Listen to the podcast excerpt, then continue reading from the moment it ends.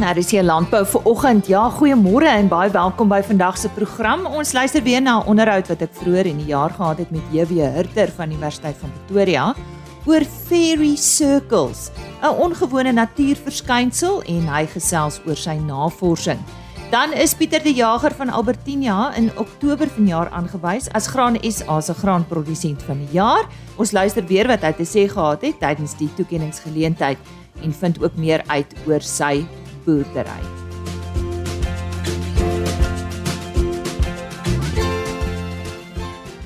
Het jy al van fairy circles gehoor? Nou jy sal wonder hoekom ons praat van fietjies op 'n landbouprogram, maar dit is nie waaroor dit gaan nie. Kom ons vind meer uit. Ons verwelkom vir JW Hurter, hy's dosent verbonde aan eh, die Universiteit van Pretoria. JW, ek sien baie uit na hierdie onderhoud, hoor. Wat is 'n fairy circle? Ek weet dit is 'n dis 'n vreemde naam vir 'n natuurlike verskynsel, maar dis eintlik iets wat baie opwindend is. Die naam kom van tradisionele verklaringe af.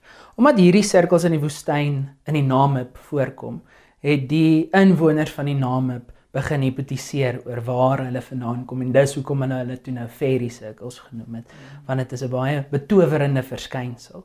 Dit is 'n klomp sirkels in die woestyn waar niks voorkom nie. Nou ons is tradisioneel gewoond daaraan dat daar niks in die woestyn is nie, maar daar is 'n bietjie graspolle en so voort. En wat gebeur is die graspolle verskyn deurlopend, maar dan opeens vorm hulle 'n perfekte sirkel waarin daar niks is nie. Dis net seesand soos die strand maar hulle verskil ook in vorms en grootte ensovoorts en dit is wat 'n fairy circle is wat al langs die Skedelkus voorkom in Namibië en dan ook in die noordelike dele van die Noord-Kaap in Suid-Afrika. Elders in die wêreld? Hulle hipotetiseer dat daar fairy circles in Namibië en in die Mojave 'n woestyn in Amerika is, maar dan begin ons nou erg klinies raak oor wanneer is 'n fairy circle 'n fairy circle, maar, maar dit is erg akademies en is eintlik maar net 'n klomp wetenskaplike wat klippe gooi. nou die rede hoekom ons met jou gesels het jy navorsing hieroor gedoen of jy doen dalk nog steeds navorsing. Ja. Wat behels hierdie navorsing? Dit was vir my honeursgraad en my meestersgraad wat ons wou identifiseer wat dit veroorsaak en ook wat dit onderhou want hierdie fairy circles word honderde jare oud. Die eerste keer wat hulle opgeteken het opgeteken is, as ek dit nie mis het nie, is in die 60s. En daai sirkels is gemerk en bestaan vandag nog steeds. So hulle gaan nie eers dood nie, maar ons weet hulle gaan wel eendag dood. My navorsing was gefokus op die oorsaak van hierdie fairy circles, maar ook hoekom word hulle onderhou? So ek het begin deur die grond te analiseer. My agtergrond is in chemie met 'n bietjie grondkundige invloed. So toe dink ek om die grondchemie te analiseer om te kyk of ek ietsie kan kry wat uniek is aan die fairy circles se sand wat nie in die in die matrix soos wat ek dit genoem het waar die waar die grasies is voorkom nie. So dat ek kan sien is daar 'n 'n oorblyfsel, 'n verskil in die fisiese eienskappe en die chemiese eienskappe tussen die fairy circle grond en die matrix se grond. En toe lei dit my na melkbosse toe. Nou 'n melkbos is hierdie wat almal in hulle tuine plant. Ja. Sy wetenskaplike naam is Euphorbia tirucali. Hulle noem dit ook 'n burning bush. Dis daai stokkies wat so rooi punte ja, het wat die ja. honde vergiftig volgens die huisgenoot. Ja. En hulle is erg erg. hulle is erg giftig, maar ons het verskillende spesies in die Euphorbia familie. Nou die melkbosse wat in die Noord-Kaap en in die Namib voorkom, is verskillende vorms en verskillende groottes. Hulle stokkies buig 'n bietjie anders, hulle blommetjies lyk anders en hulle het sulke klein blaartjies wat hulle uitstoot. En ek het toe nou agtergekom vanuit 'n literatuurstudie dat hierdie melkbosse saam met die fairy circles voorkom. En die melkbos se ons noem dit allelopatiese vermoë. Nou, kom ons definieer eers allelopatie. Allelopatie is die chemiese kommunikasie tussen plante. So as ons na hierdie spekboompie kyk, stel hy alle allerlei vlugbare molekules vry in die atmosfeer as hy allelopatie as 'n eienskap besit sodat hy sy kompetisie kan vermoor want ons is in die woestyn. Mm. Ons wil oorleef. So 'n melkbos gaan kommunikeer met 'n grasie en sê choppy, ek wil oorleef. So ek gaan vir jou doodmaak en dis hoe allelopatie werk. Maar dis 'n baie breedvoerige konsep want dit gaan van onkruid en indringers in die landbou waar daar ook chemiese kommunikasie is vir oorlewing ensovoorts tot in die woestyn. Klink soos biologiese beheer. Dit is. Ja, ja. Dit is nou maar net 'n biologiese beheer is ons die wat kommunikeer. Ons dien die glifosaat toe waar iets anders 'n soortgelyke molekuule kan sinteseer sodat hy sy kompetisie kan kan wen.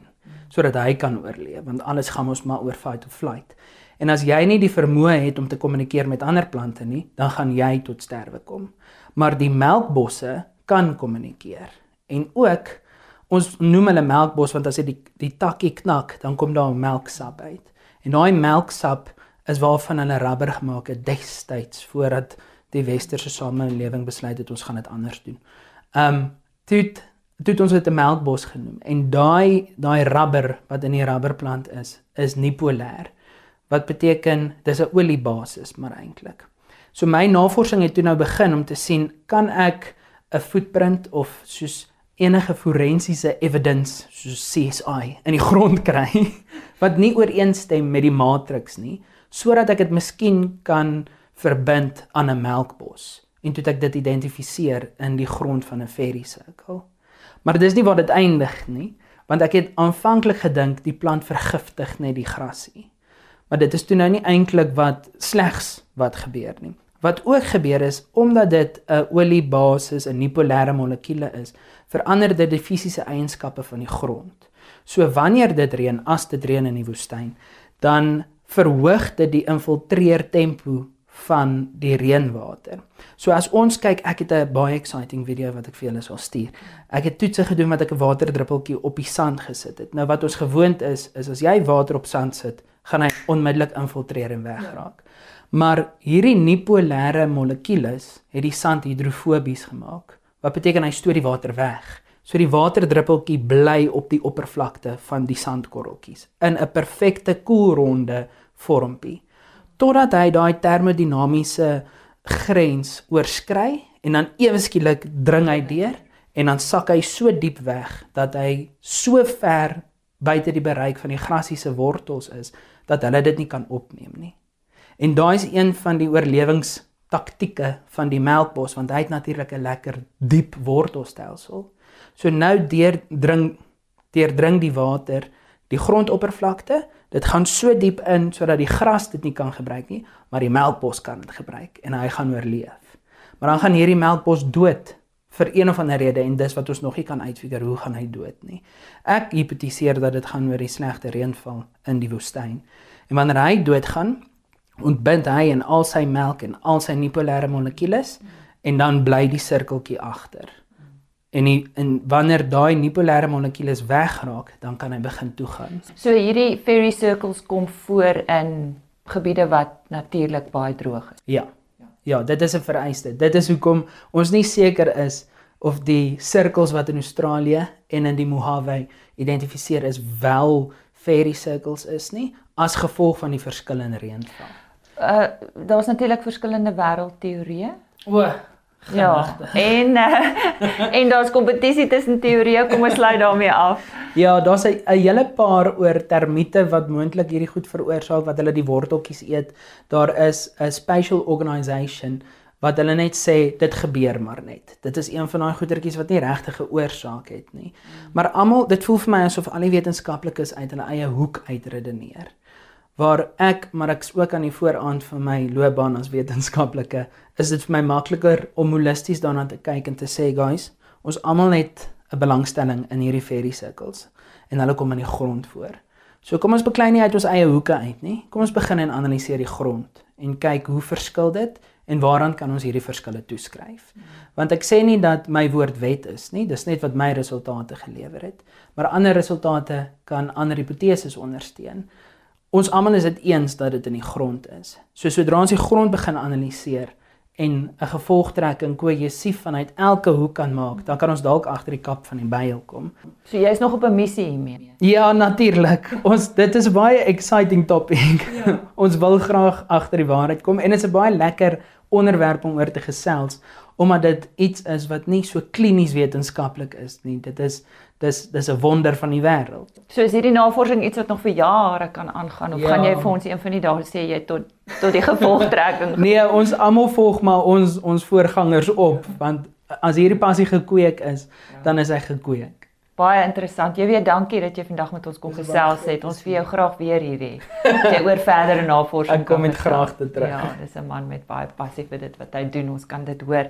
Jy weet, dosent tans verbonde aan Universiteit van Pretoria wat vandag meer vir ons kom vertel het van 'n fairy circle.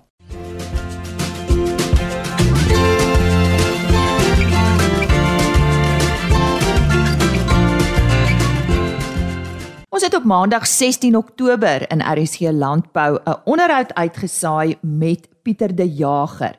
Nou hy was toe een van twee finaliste in die Graan SA graanprodusent van die jaar kompetisie. Die ander finalis was Andries Els van Botawil.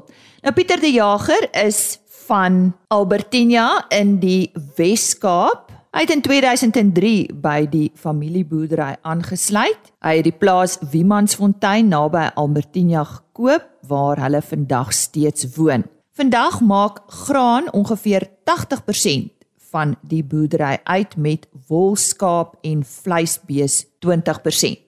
As jy meer oor sy boerdery wil uitvind, gaan kyk gerus uh, onder potgooi vir RSG landbou van 16 Oktober. Ons het hierdie eh, spesiale geleentheid wat aangebied word deur Graan SA bygewoon en luister saam met ons wat Pieter te sê gehad het.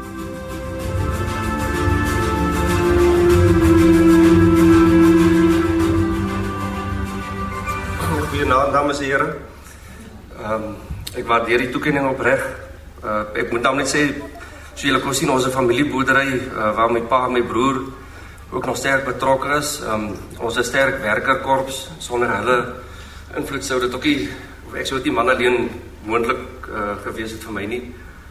Um jare terug toe ek nog gestudeer het, het 'n dosent en mentor van my vir my gesê as jy eendag moet graan boer, moet jy van jou vyf beste vriende moet een van hulle wees jou chemiese agent, jou kunsmisagent en jou rekenmeester. En toe ek begin boer het, het ek niks van graan af geweet regtig nie. Ehm um, maar ek het daai embrace en daai pad gevolg en probeer doen wat hulle vir my geleer het. Ehm um, vandag het ek meer as net daai drie vriende. Ek het van my vriende van vanaand gesien hierso. Ehm um, my trekker vriend, ek het my bankvriend ook hier gesien. Ek het ehm um, so lyk like, net ek het goeie vriende. Maar wat ek eintlik wil sê, ehm um, ja, man alleen om te boer is is eintlik onmoontlik. Jy moet uh goeie insetverskaffers hê en goeie rolspelers wat betrokke is by jou boerdery. Ehm um, so soos um, organisasies soos Graan SA. Um furthermore I want to congratulate all the other nom nominees Andries and all the other nominees um in the other categories. Uh you can be proud of yourself. Um nou dan wil ek ek weet nie of ek moet dankie sê of geluk vir Graan SA vir Ek weet die die, die aangaan oor die boere, maar um, dankie wat julle vir landbou in Suid-Afrika doen en die beeld wat julle bou vir landbou. Ehm um, dat julle so by ontwikkeling betrokke is en al die ander borgers ook hier vanaand. Um, dankie vir julle betrokkeheid by die boerdery. En ja, ek is trots om 'n ambassadeur vir landbou te wees en vir Graan SA. Ons luister nou na die gesprek wat ek met Pieter gehad het voor hy aangewys is as uh, vanjaar se wenner. Ons het vanjaar twee finaliste in die graanprodusent van die jaar uh, toekenningsgeleentheid uh, en uh, een van hulle ver oggend met week gesels is Pieter die Jager, hy's van die Albertina omgewing van die plaas Wiemansfontein. Pieter, um, soos ek gesê het, jy boer in die Albertina omgewing. Vertel ons kortliks van landbou in hierdie omgewing. Waarvoor is jy bekend? Uh, Lise, môre. Ja, ons area is maar bekend vir tipiese gemengde boerderystelsels waar dit maar 'n tipiese veevertakking is maar vleisbeeste en en en wolskape en dan die graanvertakking is maar klein graan wat uh grootliks maar canola en koring uitmaak en dan in 'n mindere mate haver en en gars. Jy het in 3 by die familieboerdery aangesluit en uh hierdie plaas Wiemansfontein wat jy destyds gekoop het is steeds julle tuiste. Uh, waarmee het julle begin boer en en wat is jou besigheid vandag? Ja, ek het in 2003 toe ek my by die familieboerdery aansluit, uh was ons maar grootliks veeboere gewees. Uh 80% van ons boerdery was maar skaap, bees en volstruis uitgemaak en 20% um dekriet en en klein graan en ek het maar probeer om die graanvertakking maar bietjie op te tel en te kyk of ek dit kan winsgewend of meer produktief maak, weet nie. Uh dit is maar hoë risiko bedryf gewees vir daai tyd en ja, ek het maar met uh, geen bewerkingstelsel begin en probeer kyk hoe kan ek dit meer winsgewend maak en ja, maar so maar uitgebrei tot waar ons nou vandag se tyd is waar waar ons op die stadium 80% graan uh, doen en 20% vee. En graan meer spesifiek, waarmee het jy voortgegaan? Och, ons het 'n wisselboustelsel wat maar grootliks uit uh canola en koring bestaan. Goed. Um, ons probeer maar grasgewasse uh, wissel met breëblaar gewasse om jou siekte siklus te breek en sodoende beter opbrengs te kry. Ja, uh, gesels bietjie verder met ons oor jou produksiepraktyke wat jy toepas en en kortliks maar waarom. Ja, ons ons het 'n um, minimum bewerkingstelsel um, om die gro grondgesondheid te bou omdat ek maar destyds besef het die grond is maar in 'n swak toestand deur al die bewerkings van wat vroeër jare toegepas was en ek het dadelik met 'n uh, minimum bewerkingstelsel begin en maar die regte implemente en masjinerie probeer kry um, ja om die grondgesondheid te bevorder en dan nou die oesreste natuurlik bo op die grond te los dat dit soos 'n deklaag op die grond lê om jou vog wat ons in die somer kry die reënval om dit te preserveer tot die volgende jaar se oestyd en dan ook die oesreste is natuurlik mos nou sit jou mikrobelewe in die grond aan die gang om jou um, organiese stikstof te vorm en jou mikrobe uh, lewe aan te help. Ons fokus ook baie op 'n uh, presisie boerderystelsel wat ons probeer om letterlik amper elke vierkante meter afsonderlik te bestuur en die regte masjinerie daarvoor te probeer hê dat jy net jou voedingsstowwe, sekere voedingsstowwe toedien net waar nodig is um, om die goed op 'n sekere vlak te kry. So dit maak jou net bietjie meer produktief en winsgewend op die ouend van die dag. So is plaan siektes 'n groot probleem? Ja, ek dink in enige graanvertakking is dit maar een van jou uitdagings en kopseere wat jy kan kry. Maar mettertyd leer jy dit maar leer maar dit om om dit te maar te bestuur en rondom dit te werk. Mm, dra jou bewerkingspraktyke dink jy by tot 'n gunstiger klimaat vir pla, uh, Pieter? Ja, bes, ek kan eintlik so sê alhoewel ek bevorder geen bewerking of minimum bewerking probeer dit bevorder, maar ek dink maar omdat omdat mense nou gunstige klimaat, mikroklimaat vir mikrobes en fynere insekte op die grond skep, dink ek draai jy in 'n mate by daar toe omdat dit 'n gunstiger omgewing vir hulle is, maar ek moet in dieselfde asem sê, jy dra ook bly tot gunstiger omgewing van jou um, natuurlike predatore en gunstigter goggas wat 'n teenvoeter is vir die verkeerde goggas as ek nou so kan sê. So dit dit balanseer mekaar in 'n mate uit en ja, omdat ons nie meer onkruid doodwerk nie en dit chemies beheer eerder um, is jou aanslag maar net um, anderste um, wat jy gebruik om die probleme op te los. So is dit maar die plaagbeheer wat jy dan toepas. Ja, dit is maar die plaagbeheer wat wat ons toepas. Ehm um, daar is weer almos nou verskillende maniere maar dit hang af wat die probleem is. Ehm um, jy gebruik maar vir argumente dalk vir wurms gebruik jy mos nou maar sê maar 'n kontakmiddel of 'n sistemiese middel en baie nou vir slakke of so iets ehm um, 'n lokaas gebruik en vir swammiddels gebruik jy maar weer 'n sistemiese middel. Maar jy gebruik maar 'n teikenspesifieke middel. Ehm um, jy probeer nou maar nie plaagdoders spuit wat alles doodmaak en jou gunstigde ehm um, organismes ook doodmaak nie. Ehm um, so jy probeer maar teikenspesifiek te wees en so ook om jou weerstandsstrategie ehm um, reg te hou. Pieter, ek wil graag uh, praat het soos ek ook vir jou vroeër gesê, daar's net soveel waaroor ons kan praat. Ek dink die luisteraars moet maar oor jou gaan lees in die Graan SA tydskrif. Maar ek wil oor die waarde van jou span gesels. Ek bedoel 'n 'n boerdery is nie net jy nie of jou familie nie. Hoe groot is hierdie span en en wat is hulle rol as dit kom by besluitneming of insette lewer? Hoe bemagtig jy hulle? Ja, ons het so 20 permanente werkers, min of meer en wel ek is tog in 'n familieboerdery ehm um, waar my pa nog selfs ook betrokke is in 'n mate. Ehm um, my broer vat verantwoordelikheid vir die veevertakking en ek vir die graanvertakking, maar jy ruil ook maar idees uit of vul mekaar maar aan waar jy kan. Ehm um, ja, uh oorhoofse besluitneming en beplanning so goed word maar deur ons saam gedoen en dan nog maar meer op operasionele vlak um, het ons maar uh, rolspelers daarso wat vir wie ons maar opdragte gee en wat dit weer maar afvoer onder toer na die werkers wat op voedselvlak is. Ehm um, ja, mense probeer maar insette van werknemers ook maar kry. Ek meen hulle sien baie ander goed raak wat jy self nie raak sien nie. En ag mense probeer maar hulle bemagtig deur ehm um, hulle bietjie spasie te gee om self te besluit hoe hulle 'n sekere taak gaan hanteer en en uit te voer. Solank dit net effektief en produktief gedoen word, dan is dit mos nou reg. Is jy ook by jou gemeenskap betrokke? Ja, ek is betrokke by so 'n landbouvereniging en ja, ek dink elke elke landbou is mos maar 'n besigheid ook en ek dink elke besigheid wat vooruitgaan of 'n 'n besigheid wat deelneem in die ekonomie goed is outomaties by die gemeenskap betrokke eintlik sonder dat jy daarvan weet as ek so kan sê. Mm-hmm. Om jy af te sluit, hoe sien jy landbou in Suid-Afrika? Wat is jou boodskap aan mede-landbouers wees? Ag, ek is my lewe lank nog eintlik optimisties oor landbou in Suid-Afrika.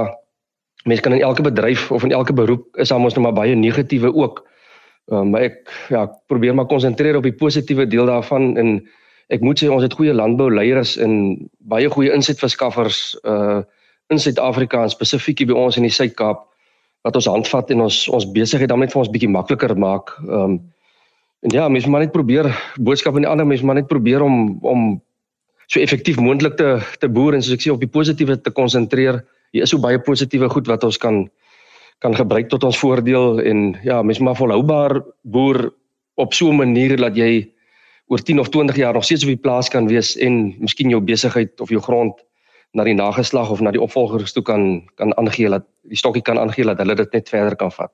Pieter die Jager, die 2023 Graan SA graanprodusent van die jaar. Dis dan vandag se program. Ons gesels weer môre. Geniet jou dag. Totsiens. RSG Landbou is 'n plaas media produksie met regisseur en aanbieder Lise Roberts.